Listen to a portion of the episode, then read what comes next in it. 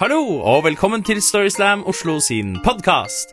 Mitt navn er Audun Dunga, og jeg befinner meg i et studio sammen med en kvinne, nemlig Karoline Marie Enoksen. Takk. Det er en god Som beskrivelse, er Som først og fremst en kvinne. Ja, det er en av dine egenskaper. Ja, ok. Ja, men det er greit. dine mange gode egenskaper. Ja. Eller ikke det at det å være kvinne er en god egenskap nødvendigvis. Oi, det er en egenskap, og Hei, den hei. er nøytral. Og noen Hei. er kvinner, og noen er ikke kvinner. Ja. Vi skal høre noen fortellinger i vi. den episoden her. De ble alle fortalt eh, på De ble begge fortalt på eh, vårt live-arrangement eh, 5. februar på eh, Kulturhuset her i Oslo. Ja. Eh, og før vi begynner den første, så vil jeg gjerne spørre deg, Karoline. Hva er ditt forhold til bakterier og skittenhet og basiller og hygiene? Altså, mitt Jeg spør for en forhold Du, du spør for en venn, ja? Ja. Ok. Eh, nei, altså, jeg er jo glad i å vaske meg. Ja. Så hvis det er noen menn der ute som er på jakt etter en som er glad i å vaske seg, så kan Som de har god intimhygiene. Ja, som har god intimhygiene, så kan de sende Storyslam Oslo en mail eh, med emneknaggen 'god intimhygiene'. Ja. Så kommer den til Karoline. Da vet jeg at den er min, Ja. for å si det sånn. Ok. Her kommer fortellingen til Egil Langmark.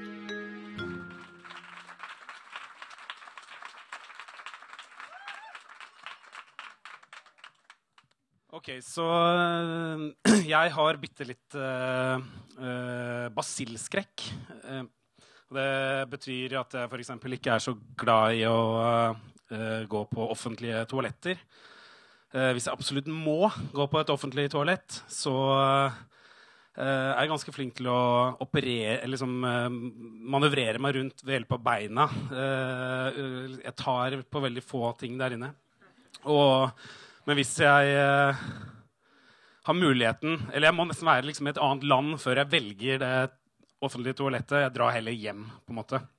Så jeg var i LA eh, og besøkte, var på ferie. Besøkte en kamerat som jobber som regissør og skulle lage en reklamefilm. Hadde nattopptak i eh, Chinatown. Og jeg hang med og så på, og klokka ble ett på natta. Og jeg måtte tisse og spør disse crew-folka om eh, hvor denne traileren er, hvor man kan gå og stelle seg. Og de sier at det, vi er ikke i Hollywood bare fordi vi er i LA, liksom. Det.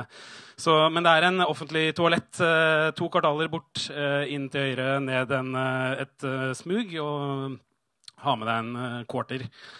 Og så tenker jeg OK, greit. Eh, må man, så må man. Jeg gikk eh, bort eh, de to kvartalene inn smuget, og det var kjempemørkt og bare opplyst helt innerst i hjørnet av en sånn eh, lyspære som dingla over en eh, nedtagga dør som det sto 'toilet' på. Og det var kjempe Det var liksom sånn eh, ransvennlig uh, miljø. Men uh, det var ikke det som bekymra meg. Det som meg, var at for å komme inn på den doen, så måtte man vri om en sånn putte på penger, vri om haspa, og dørhåndtaket var sånn rund kule. Sånn, så du måtte nesten bruke begge hendene for å komme inn. Og så Det andre som bekymra meg, var at det var opptatt. Og jeg tenker liksom, Hvem er det som går på do egentlig klokka ett på natta i Chinatown uh, på en tirsdag? Og så ser jeg at det er en sånn uh, lufterist uh, nederst på døra, så jeg bøyer meg ned og kikker inn. Og det jeg ser, er to føtter, liksom to skinnsandaler. Det stikker opp ja, Buksa ligger helt nede på bakken, og det stikker opp noen mannebein, liksom hårete, tynne mannebein. Og foran disse mannebeina så er det en kvinnebein eh, som sitter på huk. Og jeg lytter, og det er lyder, det er stønnelyder, og jeg bare skjønner at her er det sikkert en sånn prostitusjons-blowjob som skjer. Og jeg eh, trekker meg tilbake og eh, tenker at jeg liksom burde dra, men jeg er også litt sånn nysgjerrig på hvem disse menneskene er. Og eh, jeg må tisse, ikke sant? Jeg må inn der. Og så eh, På den tiden så røyka jeg sigaretter, og jeg tok en sigg. Og i samme øyeblikk selvfølgelig så åpner den døra, så ut kommer det et par, og de er egentlig bare sånn uh, i begynnelsen av 20-åra. Han ser litt sånn rufsete ut og liksom frika kledd, og hun uh, hadde dreads og var også liksom ganske sånn flagrete i klærne. Og de ser litt slitne ut. Jeg prøver, men jeg ser ikke på det. Jeg prøver å ikke få øyekontakt, selv om det liksom bare er oss tre i det mørke smuget. Og jeg tenker at uh, hvis jeg får øyekontakt med de nå, så kommer de til å bruke det til å få bomme en sigg, og så stikker de fingrene sine oppi den røykpakka og roter rundt, og så må jeg liksom bare hive den etterpå.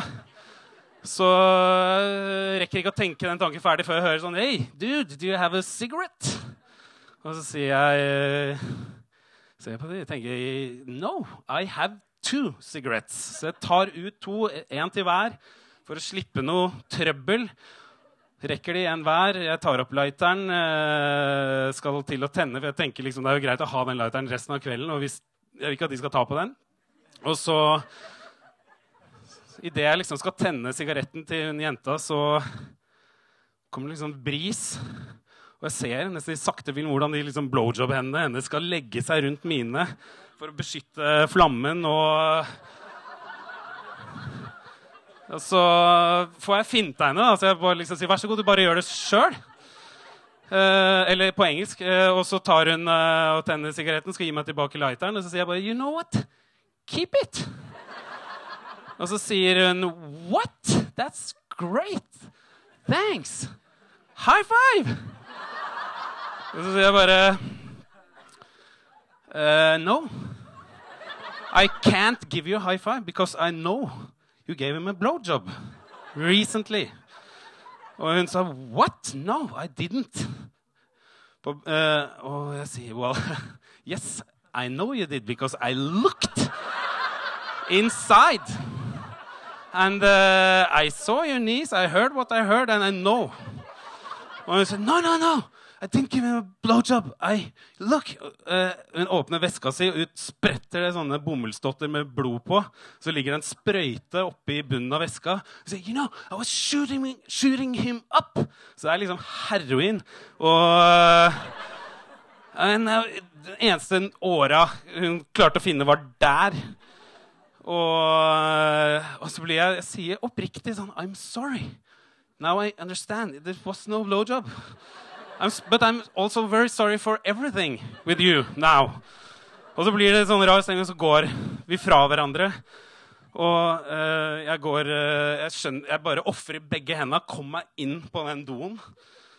Og går rett bort til vasken og vasker meg godt før jeg tar uh, papir og bruker dette liksom som skjold mot verden. Så jeg skrur av altså dopapir, skrur av vasken, går tilbake til do, får lås med den der forbaska slåen, som er ganske sånn trang. Og så går jeg bort til do og lukker opp lokket, og det detter ned. Det lukker opp lokket, og det holder på noen ganger med det.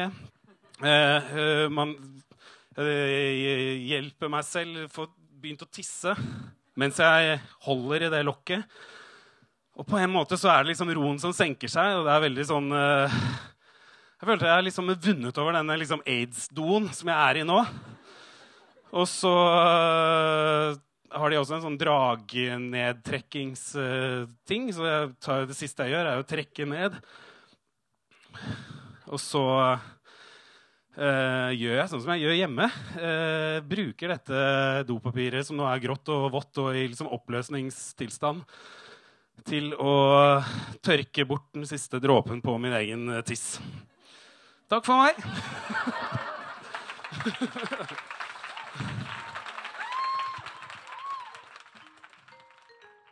Tusen takk til Eigil. Neste forteller Audun. Hun har alltid hatt lyst til å starte en bedrift. Mm. Til å bli gründer, Ja. rett og slett. Og det har jo vi egentlig Ja, gjort litt av. ja. Storyslam sånn- tenker du på? Storyslam Oslo? Ja, Ja. at vi en form for kulturgründere, må Mm. vi jo kunne si. Og vi alle var jo like involvert i den prosessen. Sånn, ja, vi har alle mye erfaring med å være gründere. Like mye erfaring. Noen alle må jo være ansiktet like utad. Ja, det er, det er viktig. Det Så hvis noen trenger noen med gründererfaring, så kan de sende en e-post til Storyslam Oslo med emneknaggen gründer. Gründer. Så Ja, kommer den til oss. den, den det måtte gjelde. Ja. Neste forteller, Audun. Hvem er det vi skal høre da? Da skal vi høre Juline Emilia Torp D'Alessandro.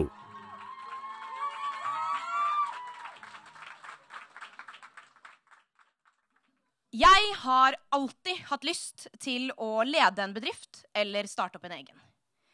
Jeg har alltid hatt lyst til å komme meg inn i bransjen. Men jeg hadde aldri tenkt at jeg kom til å ende opp med å selge For noen år siden så gikk jeg på folkehøyskole. Og på folkehøyskolen så ble jeg spesielt god venninne med ei av jentene jeg bodde sammen med. Maja. Og Maja hun var med på det meste jeg fant på, og hun var med da min bedriftsidé startet en sen natt i peisestua på folkehøyskolen. Klokka begynte å nærme seg to på natta.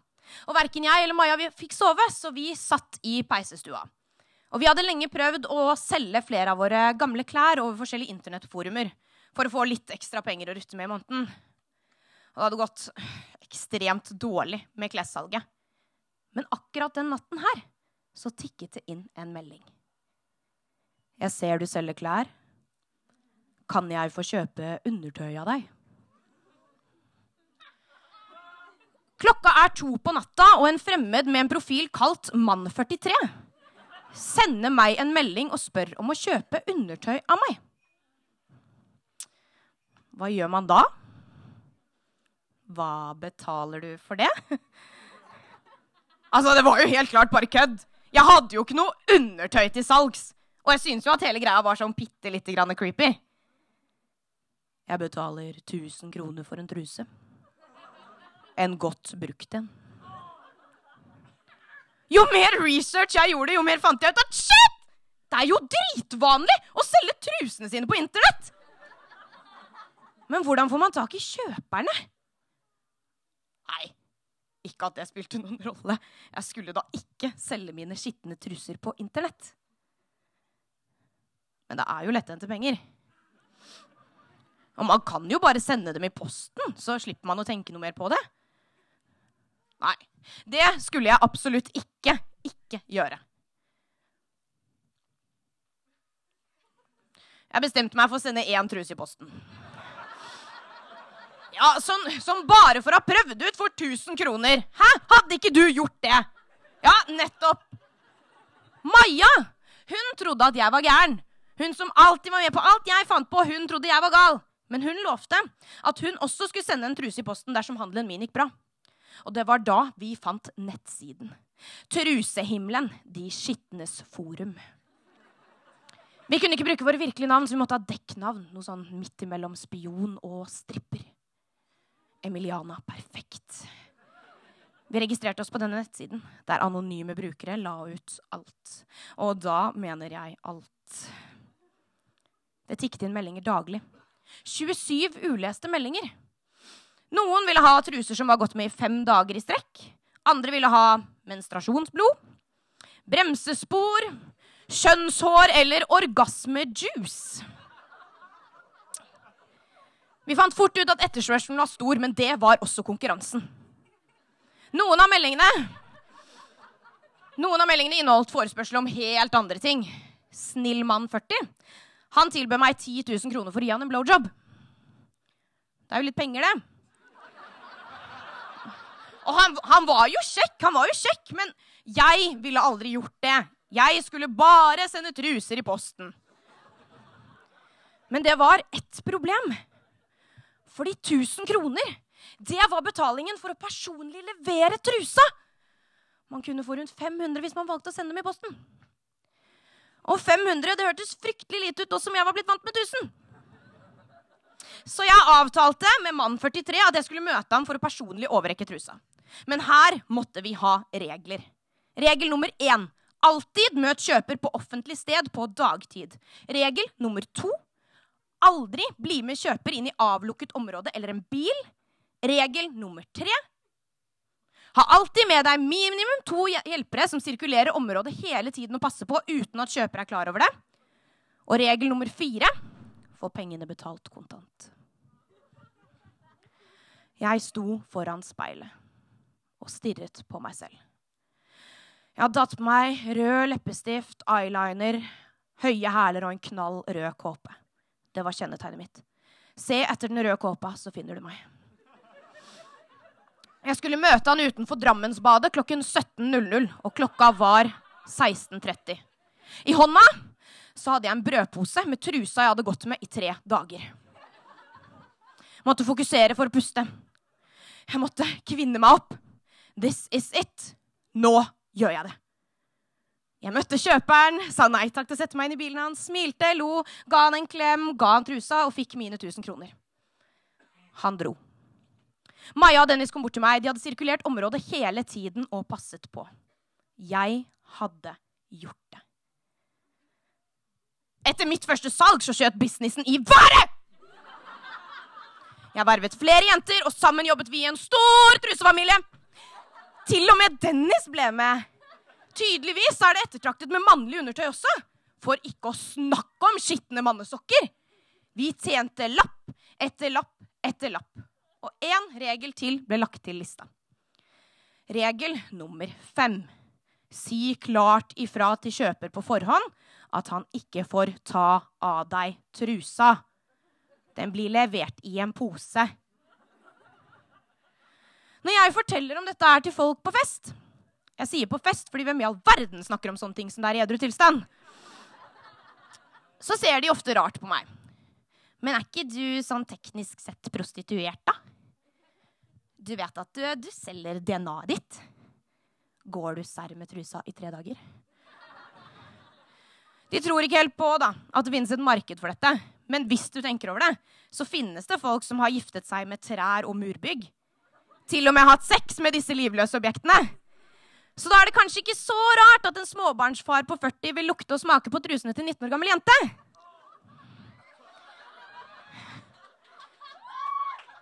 Eller en ensom og alene bestefar. Jeg tror faktisk at jeg har møtt pappaen din også. Ja, for disse mennene jeg møtte som ble mine faste kunder, de var helt vanlige, snille og pratsomme mannfolk. Mann 58, han inviterte meg til og med ut på pizza. Så vil du tjene 1000? Av med trusen! Vil du tjene penger? Ikke vent noe lenger. Jeg har det du vil ha. Bare la meg ta den av. Sende i en pakke? Eller vil du møtes for å snakke? Ta mine truser fulle av vaginabuser.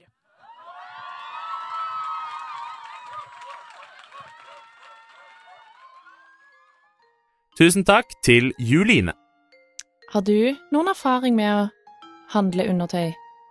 Ja, det har jeg. Sånn. Jeg har mye erfaring med det. Jeg har undertøy på meg akkurat nå, jeg. Oi. Og jeg eh, tilbyr konkurransedyktige priser. Så hvis noen er interessert, så kan de sende en Send e-post til Storyslam Oslo med hemneknaggen Audens undertøy. Ja, Så kommer den til meg. det gjør den Yes. definitivt. Neste Storyslam, Audun. Ja. Det er 9. april Ja, på Kulturhuset klokken klokken 20.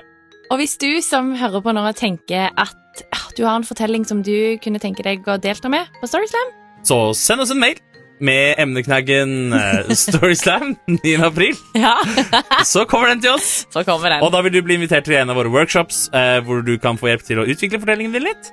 Helt gratis. Og så få sjansen til å stå på scenen og konkurrere. Ja, og i mellomtiden så kan du jo følge med på vår Facebook-side. Der kommer det fortløpende informasjon om våre arrangementer og andre ting som vi driver med. Og vi har også en Instagram-konto. Det har vi. Og nesten en jodel, jodelkonto. Vi jobber med saken. Ja. Jodelfolka er det viser seg å være litt vanskelig. Ja, det er veldig spennende. Og i mellomtiden så kan du jo abonnere på denne podkasten som kommer ut med ujevne mellomrom. Hurra! Hurra!